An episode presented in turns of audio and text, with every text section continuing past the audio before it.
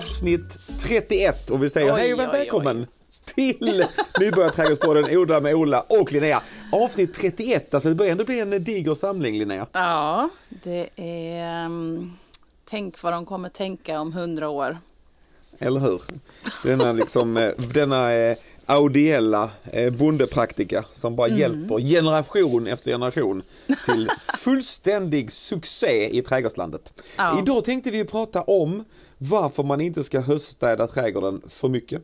Vi ska också prata om senaste nytt från Selmén Bergendahls familjeråd. Eh, och vi ska också prata om vad man ska eh, tänka på när man planterar blomsterlökar och vad vi fortfarande kan så. Men först Linnea Dixon, vi som följer dig slaviskt på de sociala medierna har ju sett att du har haft lite av en karnevalhelg. Har du inte varit det? Eh, jag har haft en busy weekend kan man säga. En busy week. Eh, jag har ju sett dig i någon sån getingsuniform. Alltså vissa säger humla, andra säger bi, vissa säger geting. Jag hade ingen tagg, tyvärr. Nej. Men, eh, nej, men jag var ett bi. Och det eh, det var ett stort arrangemang som Malmö stad anordnade. Så att eh, jag och min kollega vi stod och pratade om eh, insektshotellet. Vi har ju världens största insektshotell på Slottis. Slottsträdgården i Malmö ska jag säga. Och det var jättemycket folk och väldigt mycket glada människor. Och jag sprang runt där i min bikostym och berättade om hur viktigt det är att vi Såg du hjälper över insekterna. också Sov hos i pappa. hotellet? I, inte i hotellet? hotellet. nej det är nästan fullbelagt. Så att det, mm, och jag har inte de pengarna alltså. Det är Nej. dyrt. Men tänk- Dyra rum. Mhm. Nej, det är dyrt. Det är dyra rum på insektshotellet. Men du, hur är, hur, vilka insekter hade ni på besök? Alltså det har börjat mura, muras igen i, i håligheterna. Vi har ju vi har, alltså insektshotellet är ju 47 meter långt så att det är ju massa utrymme för insekter och det finns en fram och baksida och så är den uppdelad i massa olika fack och i de här facken finns det olika typer av material. Så i några av facken är det massa kottar och bark och sådär och det är ju sånt som nyckelpigor älskar att bo i, så det kan man ju göra själv till sin trädgård. Man bara fyller en liten trälåda med kottar och bark och löv, eh, lägger över någon, eh, något hönsnät så att inte fåglarna eh, eller någon mus eller sådär rafsar ut allting. Och sen ställer man det Eh, antingen kan man hänga upp det på sitt plank i trädgården eller under en buske eller något sånt så kommer det bo eh, bland annat nyckelpigor i den. Men sen så har vi ju lådor som är fyllda med stockar som vi har borrat hål i och de hålen är perfekta för solitärbin, alltså bin som lever i ensamhet. och så finns det ju sådana getingar också så att alla lever ju inte i svärmar utan de kan vara independent insect. Eh, och eh, då hoppar de in i de här små hålen som vi har borrat och sen så tar de antingen som några tar eh, kanske jord och saliv och murar igen hålet, öppningen så att de kan bo där inne ostört över vintern. Och andra kanske tar sågspån och saliv och murar igen. Så att det är ganska häftigt att se när man har ett insektshotell när det börjar bli massa små dörrar på alla de här små håligheterna. Då vet man att det är fullbelagt. Det är coolt. Var exakt i Malmö finns detta om man vill åka och hälsa på det? Alltså det är ju i Slottsträdgården bakom Malmöhus slott eh, och så är det längst ner i trädgården ut mot Mölleplatsen där vi har en stor eh, vindmölla. Eh, väderkvarn för de som inte är dan- danskar, eller på säga, för de som inte är skånska. Väderkvarn alltså. Eh, där står det i all sin prakt och eh, har stått sedan 2019. I början var det inte jättemånga som eh, hittade dit av insekterna men nu börjar det verkligen bli fullt. Och eh, vi pratade också om att det är viktigt, ska man nu ha insektshotell? Jag vet inte, har ni något i trädgården? Mm, nej, fast vi har en stor hög med eh, massa grenar och löv och gräs och lite sånt mellan en hassel hasselbuske och eh, komposten som har liksom blivit någon slags hangaround för en eh, igelkott och lite så. Åh, men inget, men, ja det är roligt, men det är ingen, men det är ju inget, eh, alltså det är ju inget alltså skylt, det finns ingen skylt, den är inte med på booking.com och så, utan det är mer som en underground-rörelse Ja. för Kullabygdens små gnagare och så vidare. Ja men det är skitbra. Alltså, alla borde ha ett ostädat hörn i trädgården. För det är jättebra för insekterna. Men vad som också är viktigt när man vill eh, hjälpa insekterna det är att man planterar mat för dem, alltså det vi ska prata om alldeles strax. Tidiga vårlökar så att det finns mat när de vaknar. Och maten är ju nektarn i blommorna. Så, så himla gött. Men vad bra där alltså. Eh, insektshotell. Är det så att det behövs mer insektshotell idag än tidigare? Om ja, varför är det så? Varför är det på detta vis? Alltså insekterna håller ju på att dö, dö ut. Ehm, I vissa länder, till exempel i Kina, där har man ju redan börjat se det att eh, man inte har några insekter som eh, naturligt pollinerar deras grönsaker och fruktträd. Och utan pollen... Alltså det är så svårt att säga. Pollinisatörer. pollinatörer. Pollinita. Pollin... Ja, Utan dem så blir det ju ingen mat. Eh, I alla fall inte frukt och grönsaker och bär. Och det är ju en katastrof för mänskligheten och det är ju vi människor som har skapat detta, såklart. Och då får vi ju försöka göra någonting åt det. Så att jag menar, bor man mitt ute på landet som jag gör så finns ju inte behovet jättemycket av ett insektshotell eftersom här finns ju massa håliga träd och buskage och lövhögar och sånt där naturligt. Men mitt inne i en storstad så finns det ju i princip ingenstans för insekterna att bo förutom lite träd och, och så eh, i parker och sådär. Men det är ju väldigt många ytor i staden som bara är betong.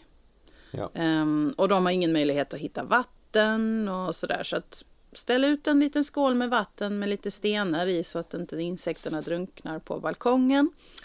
Och eh, spika upp ett litet insektshotell och kanske plantera en kruka med krokus. Så har du i alla fall gjort någonting. Eller hur? Eh, där har vi en liten plan. Sen är det säkert rätt många som lyssnar på detta som också undrar om de kan på något sätt hyra din bikostym till Halloween 2022. Nej, den är ju property av eh, fastighetsgatkontoret. Aj, aj, aj. Ja.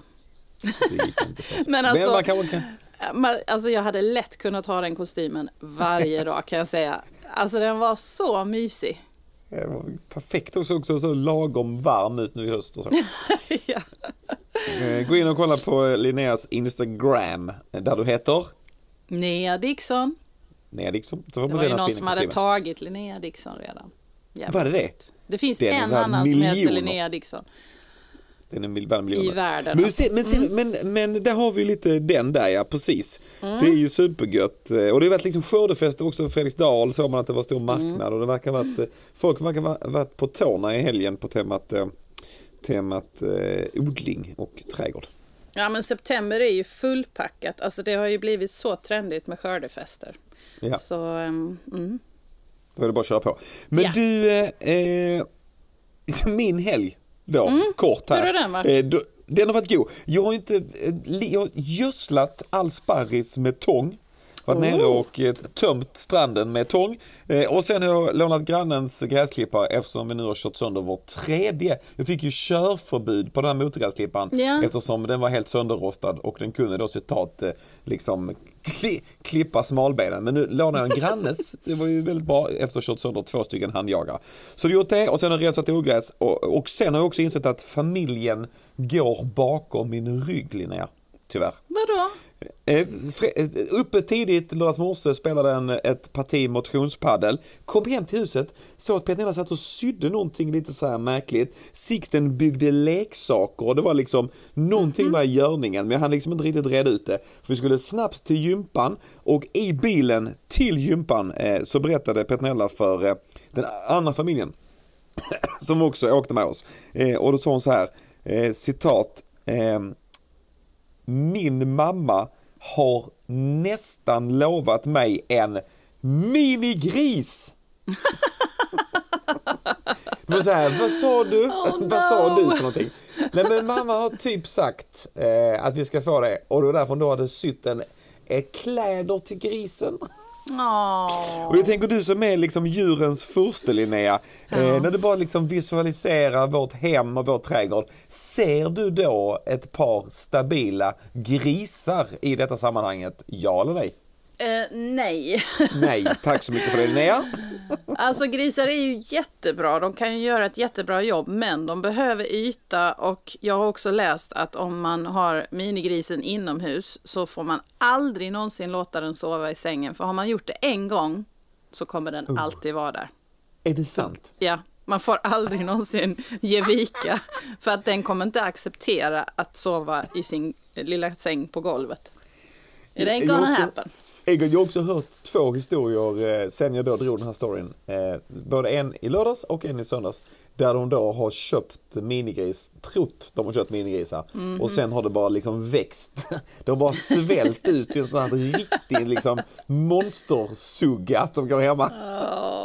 Jag vet inte hur mycket sanning ligger i det, men eh, det har liksom tagits gift på att detta är sant i båda, i båda fallen. Men eh, också, också hört att man inte kan ha minigris eh, inne själv. Att de blir jättesällskapssjuka. Så man kan liksom inte ha en gris som, som bökar runder i paketten Nej. och sen sticka iväg. Nej, men då får man göra två. Just det. nej, nej, vi får ska... men, men det hade ju varit coolt att ha haft i trädgården. Men hur stor trädgård tror du man behöver för att kunna ha en gris?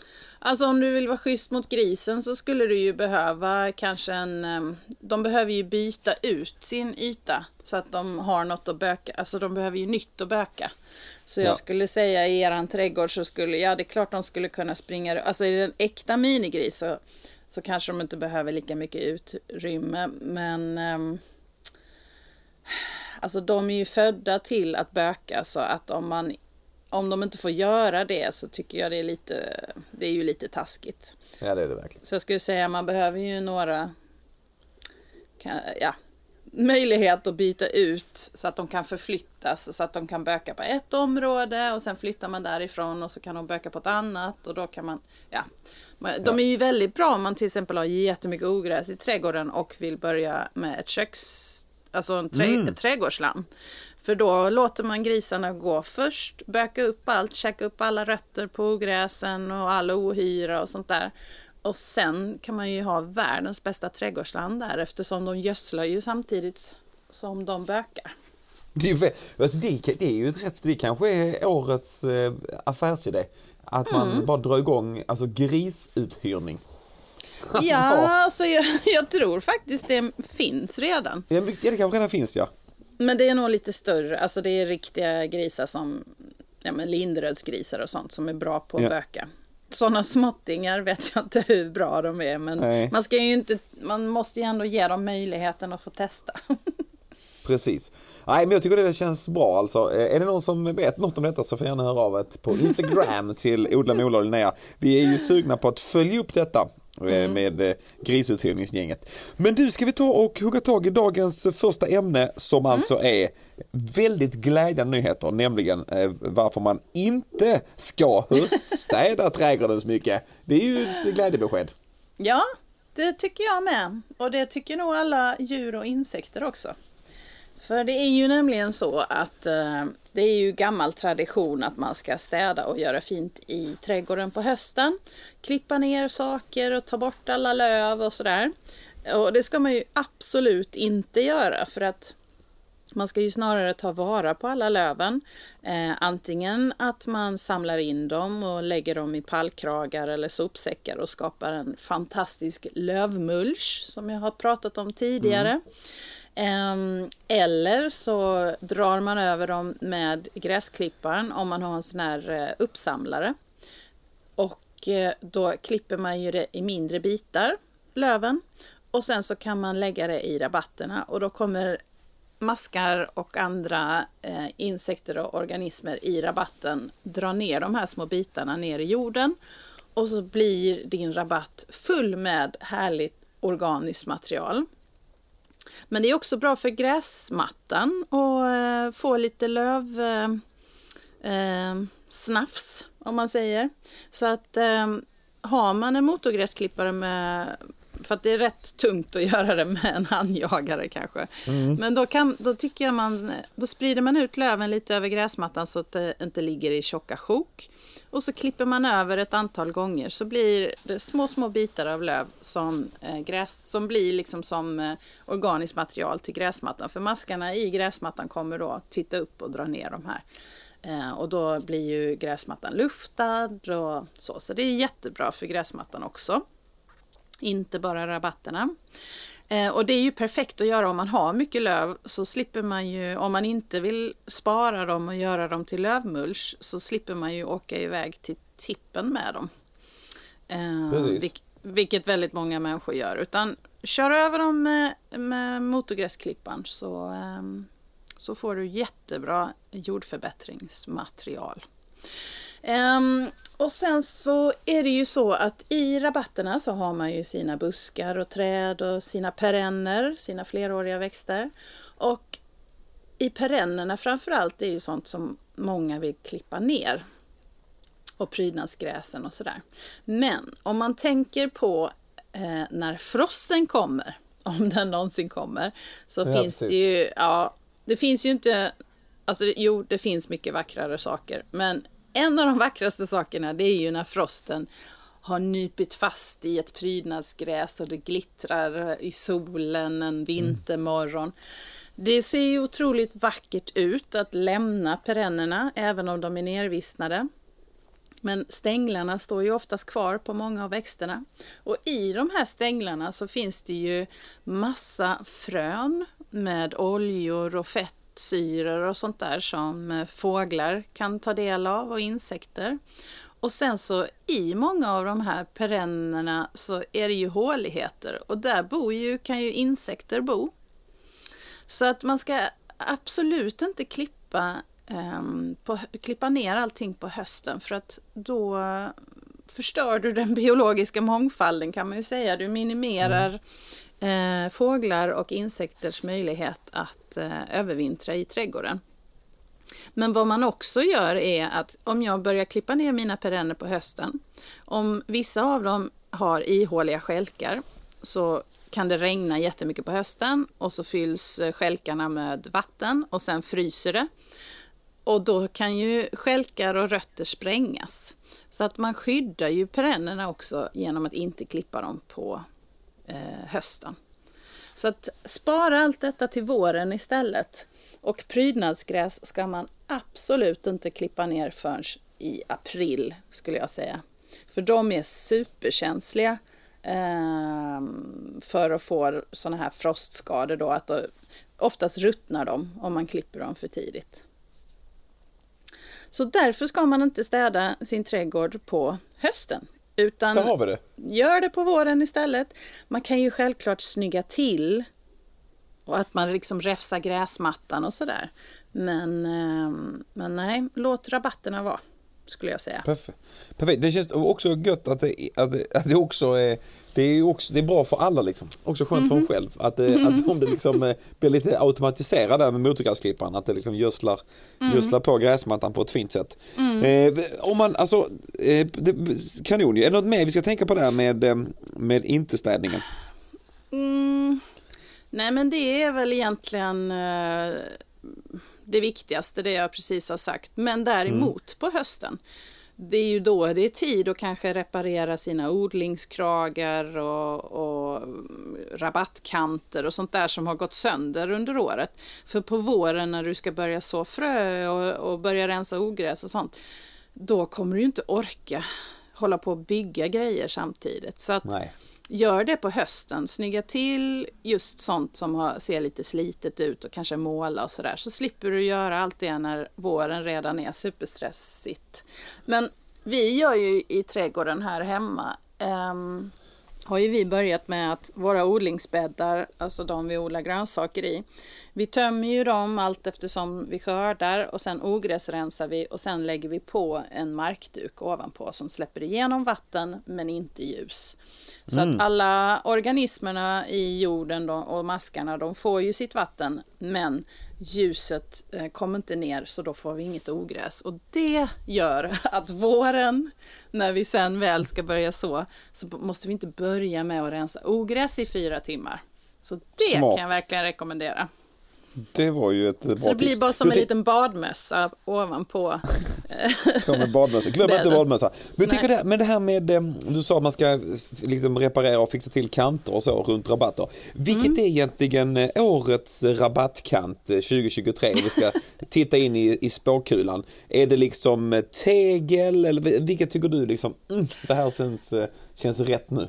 Eh, jag, jag, jag gör ju reklam, inte för att eh, jag är kopplad till något företag, men jag tycker ju det absolut bästa just nu är att ta en sån här, en, stö, en bredare regel, alltså 45 mm bred och sen kanske är den, ja men 22 centimeter eh, hög.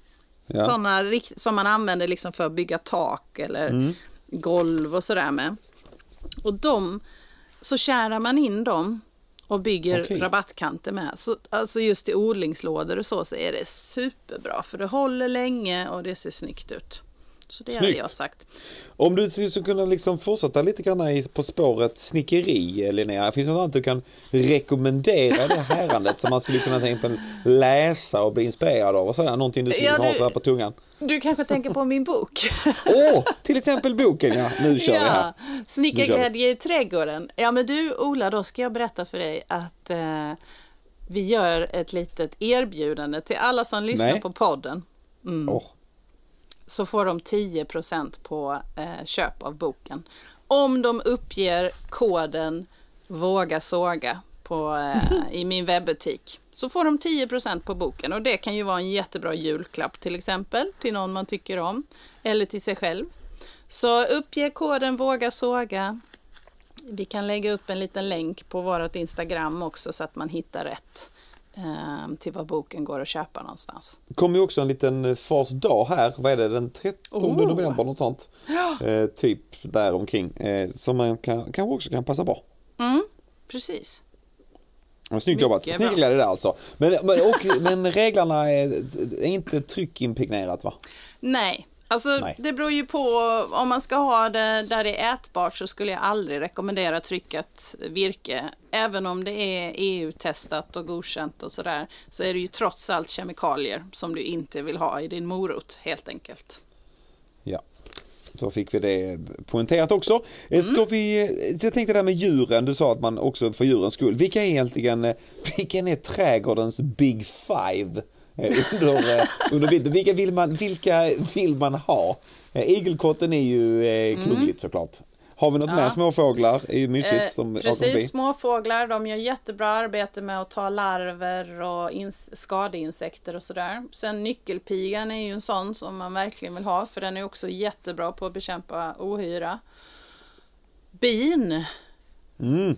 eftersom det är de som pollinerar, men det gör ju i och för sig blomsterflugor också, men just pollinerare eh, behöver man. Och vem mer, vem mer? Maskarna. Masken. Ja, masken får vi inte glömma. Och eh, gråsuggan. Just det. Han är ganska trevlig också. Han är väldigt Va- bra på att käka löv och eh, se till att det blir luftigt i jorden och bra med organiskt material och så. Den kommer jag ju jobba in med en Göteborgsvits till eh, nästa familjeråd. Det blev tyvärr ingen vanlig sugga, men vi kommer att jobba friskt med ett insektshotell så vi får till gråsuggor istället.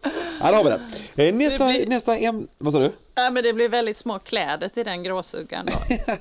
Det Jag vet inte om den här griskostymen passar, men vi hoppas i alla fall. Eh, blomsterlöksplantering eh, Mm. ligger ju också i, i tangentens riktning. Vad ska man tänka på där? Anton?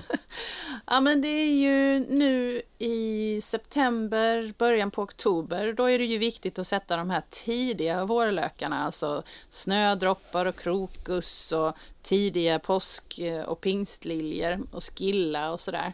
Ehm, och sen tulpaner kan man sätta så länge man kan gräva i jorden. Så jag har ju planterat tulpaner efter julafton. Det går jättebra. Men de här tidiga varianterna är viktigt att få ner tidigt nu, september, oktober. Ehm, och lökar eh, kan ju komma i olika storlekar och former. Och det viktiga där är att alltid sätta löken tre gånger den eh, lökens storlek. Alltså sätta ner den i jorden så djupt som tre gånger lökens storlek. Ehm, och sätter man den för grunt så kan ju när jorden fryser till på vintern så kommer den bara skjuta upp alla de här lökarna igen. Um, sen är det ju så att har man höns till exempel eller fasaner i sin trädgård de älskar att sprätta upp lök, framförallt tulpan. Så det är också därför man behöver få ner dem tre gånger så djupt som lökens storlek är. Um, ett jättebra tips, jag vet inte, vet du vad kejsarkrona är för något? Mm, nej, jag vet inte det. Det är en jättefin Kejs. lökväxt som finns i gult och rött och orange, skitcoola växter. Eh, de har en jättestor knöl som man planterar. Jättedyr, brukar kosta typ 100 spänn styck. Eh, men trivs den så sprider den ju sig själv. Och den har som en liten grop i sig. Um, och många tänker att ja, men det är uppåt, för det ser lite som ut som att lökens uppsida är där gropen är. Men sätter man den gropen uppåt i jorden så kan den fyllas med vatten och då kan löken eller eh, knölen ruttna. Så fritillaria som den heter på latin, alltså kejsarkrona, den löken ska man alltid sätta med gropen åt sidan för då kan den inte bli vattenfylld. Och det är en sån grej som nästan ingen känner till. Um, så det är ett jättebra tips. Och sen så kanske man tänker så här, ja men vad är upp och ner på en tulpanlök till exempel? Då kan man ju se den, om man håller en tulpanlök i handen så har den ju ett lite toppigare, en toppigare del mm. och sen en liten tjockare, rundare del.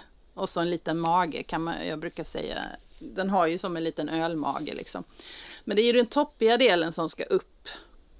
Så man ska ju alltid plantera den med botten ner. Men om det är så att den råkar hamna upp och ner så gör det inte så mycket utan då kommer tulpanlöken, alltså blom, blomman kommer leta sig upp ändå. Men det är bara att det tar längre tid så att så kan man ju förlänga, förlänga sin tulpanblomning också genom att plantera vissa åt rätt håll och vissa åt fel håll. Så får man Bra. olika nu blomning. Vet jag vad, nu vet jag vad kejsarkrona är. Mm. Sjukt snygg ju. Jag kan lägga upp en liten bild på den så att man får se. Ehm, alltså, och den doftar jättegott också. Och eh, är skitcool. Var ska man plantera den någonstans? Jag skulle säga i halvskugga, gärna om man har lite lundmiljö. Mm. Den, ska vi... ja, den är väldigt fin. Den hade den passat där i ditt hörn där du har din uh, igelkotts... Igelkottshörnet. Mm. Rätt in. Där har vi den. Nej, det var väldigt fina. Bra tips där ju. Eh, och vad var det nu man skulle ha? Man skulle lägga den på sidan var det så, så att den inte blev vattenfylld. Ja, så att den, kommer, den har en di distinkt grop i sig och den gropen ska alltid vara på sidan i hålet så att vattnet rinner ut ur gropen. Annars kommer den eh, bara ruttna. Och då har du lagt hundra spänn i onödan. Jag måste säga att jag gjorde en liten snabb googling här då under tiden och jag hittade då att det fanns på olika ställen lite, lite rea på den. Mm -hmm. Och man kan till och med eh, lyckas hitta dem för eh, så lite som 83 kronor. 74 billigast just nu. nu snackar vi. Det var bra. Ja. Det var himla bra. Har vi mm. några fler eh, tips på temat eh, eh, blomsterlöksodling? Ja, alltså när man pratar design och sådär så brukar man säga att man, om man ska, om, man har sin rabatt med perenner och blomst, eh, vad heter det, sommarblommor och sådär. Så vill man ha eh, massa tulpanlökar och andra lökar i rabatten. Då ska man egentligen vända sig om så man har ryggen emot rabatten och så tar man sina tulpanlökar och så kastar man dem över huvudet och så ser man var de hamnar i rabatten och så gräver man ner dem där de hamnade. Och då blir det ett väldigt naturligt sätt. De eh, kommer upp på våren sen. Det ser inte ut som att en människa har varit där inne. Oh nej, det måste vara fem där och, och det måste se ja, ja, något. Alltså, slumpen avgör var de hamnar och det blir ett vackrare eh, sätt eh, rent designmässigt. Um, men jag skulle också säga att små lökar, alltså krokus och um, snödroppar och sånt, sätt dem i kanten av rabatten så att du verkligen kan njuta av dem på våren. Um, och framförallt lägg pengarna på sådana som sprider sig själv. Många tulpaner är ju ettåringar. Um, så att de sprider ju sig inte det är väldigt få sorter som sprider sig och väldigt få sorter som blommar år efter år efter år. Så ja, har man bara ett antal hundralappar för att lägga på lök så hade jag tagit framförallt eh, påsk och pingstliljor. De finns i massa olika nya, alltså allt från vitt till mörk orange så att du kan ju ha persikofärgat och vanilj och citrongult och alltså det finns ju så många olika varianter plus att det är inga djur som tycker om att äta påsk och pingstliljor mm. medan tulpaner är det ju många djur som älskar. Um, och så krokus och snödroppar kan ju också sprida sig och skilla och vintergäck. Och lägg pengarna på sådana som sprider sig istället. Så, um, så kommer det bli underbart. Och att man kanske fokuserar på att ha lök som blommar tidigt. Dels för insekterna som jag nämnde innan, men också för din egen skull. När det är sådär, det har varit brunt och grått hela vintern och så i slutet på februari så börjar du få de här färgerna från krokusen. Alltså, Total magi. Det är så, ja, och plantera dem så att du ser dem när du står med disken ut genom köksfönstret. Så plantera så att du verkligen kan njuta av dem när du sitter där inne. Det var bra tips. Alltså just det här med, med eh, tulpaner. Eh, det, det är faktiskt... Eh, vi höll på med hur mycket tulpanlökar som helst förra året. Men vi har ju sagt att nu ska vi nog eh, göra som du säger. Att man jobbar med lite mer långsiktighet. Mm. Att de liksom hjälper en li, lite på traven och sprider sig själv. Det känns ja. ju som en vinnare alltså. Alltså man kan ju alltid addera nya lök varje år men det är ju nice att veta att man har ett gäng som gör jobbet åt en och att man måste göra nytt varje år. Nej, det är faktiskt ett grymt tips. Eh, tackar vi för det tipset. Har vi något mer som vi ska klippa in här på blomster? Jag hade ju ett problem förra året. Vi satte ju i de här eh, ringarna runt äppelträden. Mm. Dick, dick, dick. Och det var ju superfint i början. Men sen efter ett tag så var det ganska svårt att veta vad som mm. skulle bli en fin blomma och vad som var ogräs. Mm. Att det var lite så här, wow, nu händer det mycket här i dessa ringarna och det blev mer som ett eh, litet kaos kanske än tidigare. Att det var rätt svårt att veta liksom, kommer det här bli någonting snyggt eller ska det väck direkt så det inte sprider sig vidare och ja. Mm. Alltså, Där fastnade vi lite. Tipset är väl, alltså du kommer ju lära känna eh, bladen och, och blasten på lökväxterna växterna efterhand såklart. Men lökväxter har oftast lite liksom tjockare blast och blad och nästan som lite vaxartade. Så mm. eh, det är väl ett tips, men annars så är det ju så som jag brukar säga till våra praktikanter i Slottsträdgården att är du osäker, låt det vara kvar. För mm, du, kan ju alltid, du kan ju alltid plocka bort ett ogräs i efterhand men du kan ju inte tejpa fast en, en lökväxt du har ryckt upp Nej, ur jorden. Precis. Jag tänkte på ditt tips att, att ta eh, ogräset så tidigt som möjligt för då kommer man ju göra mm. sig själv en stor tjänst senare mm. under säsongen. Men Precis. det skulle vara lite så här, oh, ska vi rycka detta eller inte? Ja, vet. Man kan ju också till exempel om man har satt massa tulpaner eh, i en rabatt då skulle man ju kunna sätta blomsterpinnar ungefär där man har satt tulpanerna. Just för då det. vet man ju också att okej, okay, här ska det, till exempel om man ska göra en helt ny rabatt, då brukar man ju, då kanske man planterar eh, all lök först. Så sätter man blomsterpinnar eller lägger en, en klick med singel eller grus eller någonting för att markera mm. att här finns det lök, här ska du inte plantera en perenn. Um, så det är ju också ett tips man kan göra. Det är ju grymt tips. Mm. Den tar vi med hull och hår, det tipset. Mycket bra tips. Eh, Eva-Lena Aldrin. Mm. Om vi ska gå på, är vi, har vi, känner vi oss eh, mm. nöjda med detta så, så alltså, kan vi gå över till ja. fråga svar. Jag säger. Det finns ju tusentals mer saker vi kan prata om detta men eh, man kan ju skicka in frågor om det under hösten också om det är någonting som man känner att jag har missat här. Ja, Eh, det kan man ju alltid och då är det alltså Ola med Ola eh, och Linnea på Instagram som gäller. Vi, är lite i samma härad. Eh, Evelina Eva-Lena Aldrin Björkman undrar vad kan jag fortfarande så? Grönsaker och blommor. Vi är ju på randen in mot oktober. sådär. finns det något som man fortfarande kan njuta av redan i år? Alltså njuta av. Eh, det beror på, har man ett växthus så går det jättebra att eh, odla bladgrönsaker fortfarande. Eh, det kanske kan vara så att eh, man behöver skynda på processen lite genom att odla det inomhus under en ehm, växtbelysning så att man liksom förkultiverar och sen kan man plantera ut ehm, spenaten eller eh, vintersallad eller vinterportlack i växthuset. Men har man, för att det vi jobbar mot nu det är ju att vi kommer ha mörkare dagar. Vi kommer ha för lite dagsljus och då gör det ju att saker slutar växa. Så att eh, ska man så någonting nu så är det ut idag typ. Mm. Eh, men annars kan man ju så jättemycket som morot och palsternacka och dill och persilja och spenat även där och lök fast i frö, inte sättlök, sallad, schalottenlök, allt sånt också där frö, inte sättlök. Ehm, allt sånt kan du ju så nu i höst.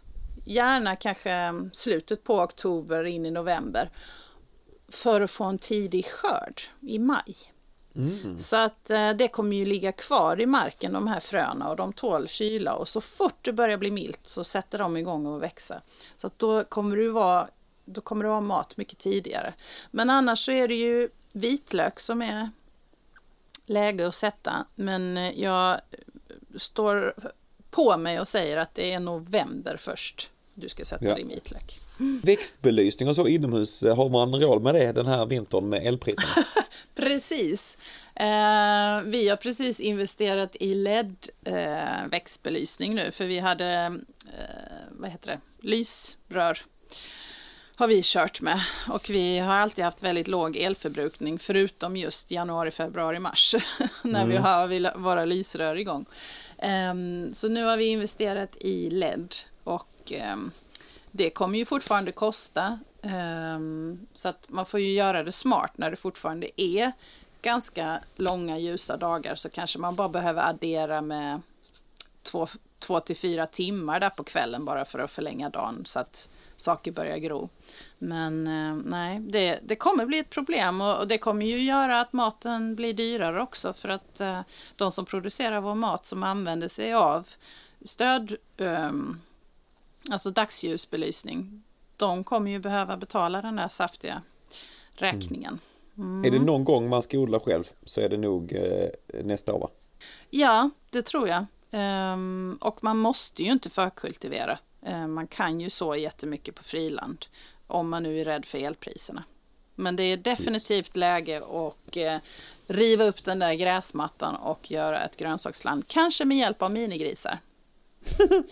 Som snart ska hyras ut av firma Selmen Dixon.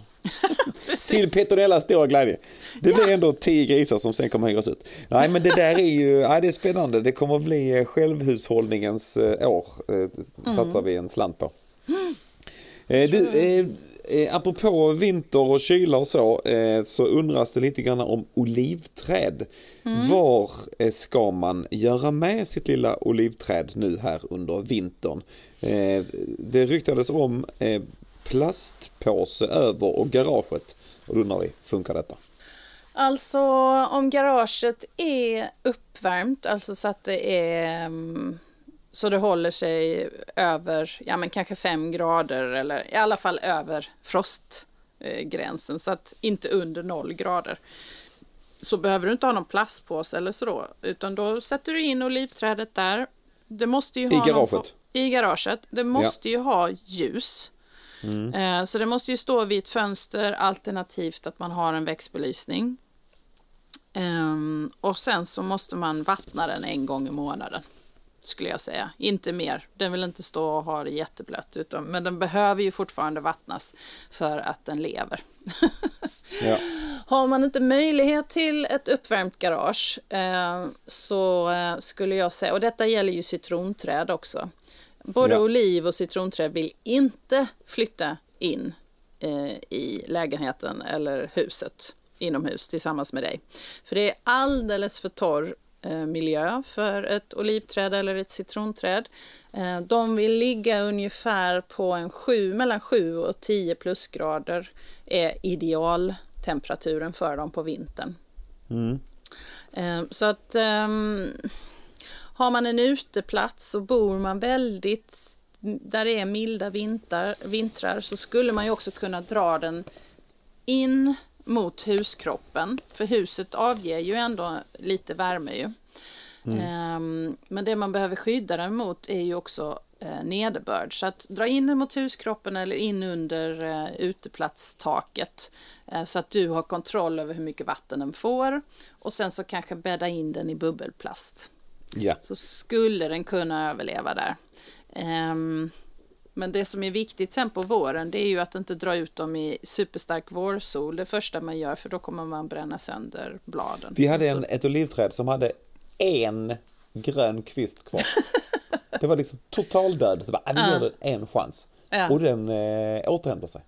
Alltså de Helt är ju grymma. Ja, och man kan ju beskära dem. Man kan ju beskära dem och då blir det ju ett sätt för den att okej, okay, jag bryter på nytt här då.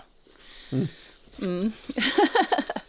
Overklig comeback. Nej men vad bra, då har vi mm. den där. Vi fick ju nu bara rasa in här på Instagram av Marianne Järn som undrar lite granna eh, hortensia i kruka kan man plantera i rabatt när och hur? Alltså det beror ju på vad det är för hortensia. Är det en sån här eh, som man ofta köper i blomsterhandeln som kanske är blå eller rosa. De är ju inte riktigt härdiga för svenska okay. temperaturer så att de kommer dö hur du än gör. Så du måste veta, eller Marianne måste ju veta mm. vad det är för typ av hortensia. Är den härdig, eh, till exempel en vipphortensia eller Um, vad var det vi pratade om förra gången? Var det ju vipp och vidje, hortensia och sådär. Just det. Så det är ju lite det. Men är det den här vanliga varianten som är ganska låg som man brukar få i gå bort present och sådär. Den kommer bara smälta ihjäl i princip. Ja. Av vintern då är det, alltså. Då är det kört. Mm. Då är det over and out alltså. Vi kollar med Marianne här om hon kan reda ut detta mm. eh, på något vis. Men det är gott. Vi närmar oss med stormsteg de magiska 45 minuterna. Ska ja. vi klippa Per och Jossan, eh, murgrönans moder och fader nere i Västerhamnen i Malmö. De har blivit attackerade eh, av någonting, deras murgröna. Mm. Jag skickade ju en bild till mm. dig här som vi kanske ska eh, lägga ut på mm. eh, Instagram. Ehm, vad är det som har hänt här med murgröna? Det brukar ju klara allt Ja, Vad ser ut som alltså, liksom uppbiten, uppäten av ja, någonting.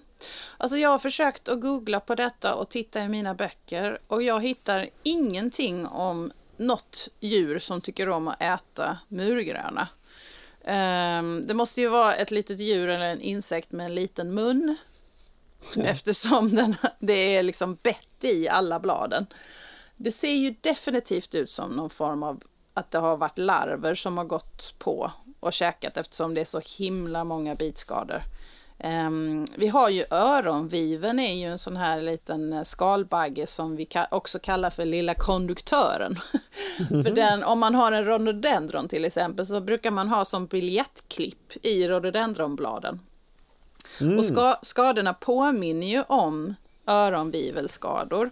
Men samtidigt är det så himla mycket och alltså inte riktigt samma form som öronviven och Eh, nej, jag har verkligen försökt att hitta vad detta kan vara men det är ju definitivt någon som har tuggat. Den ser också lite ledsen ut.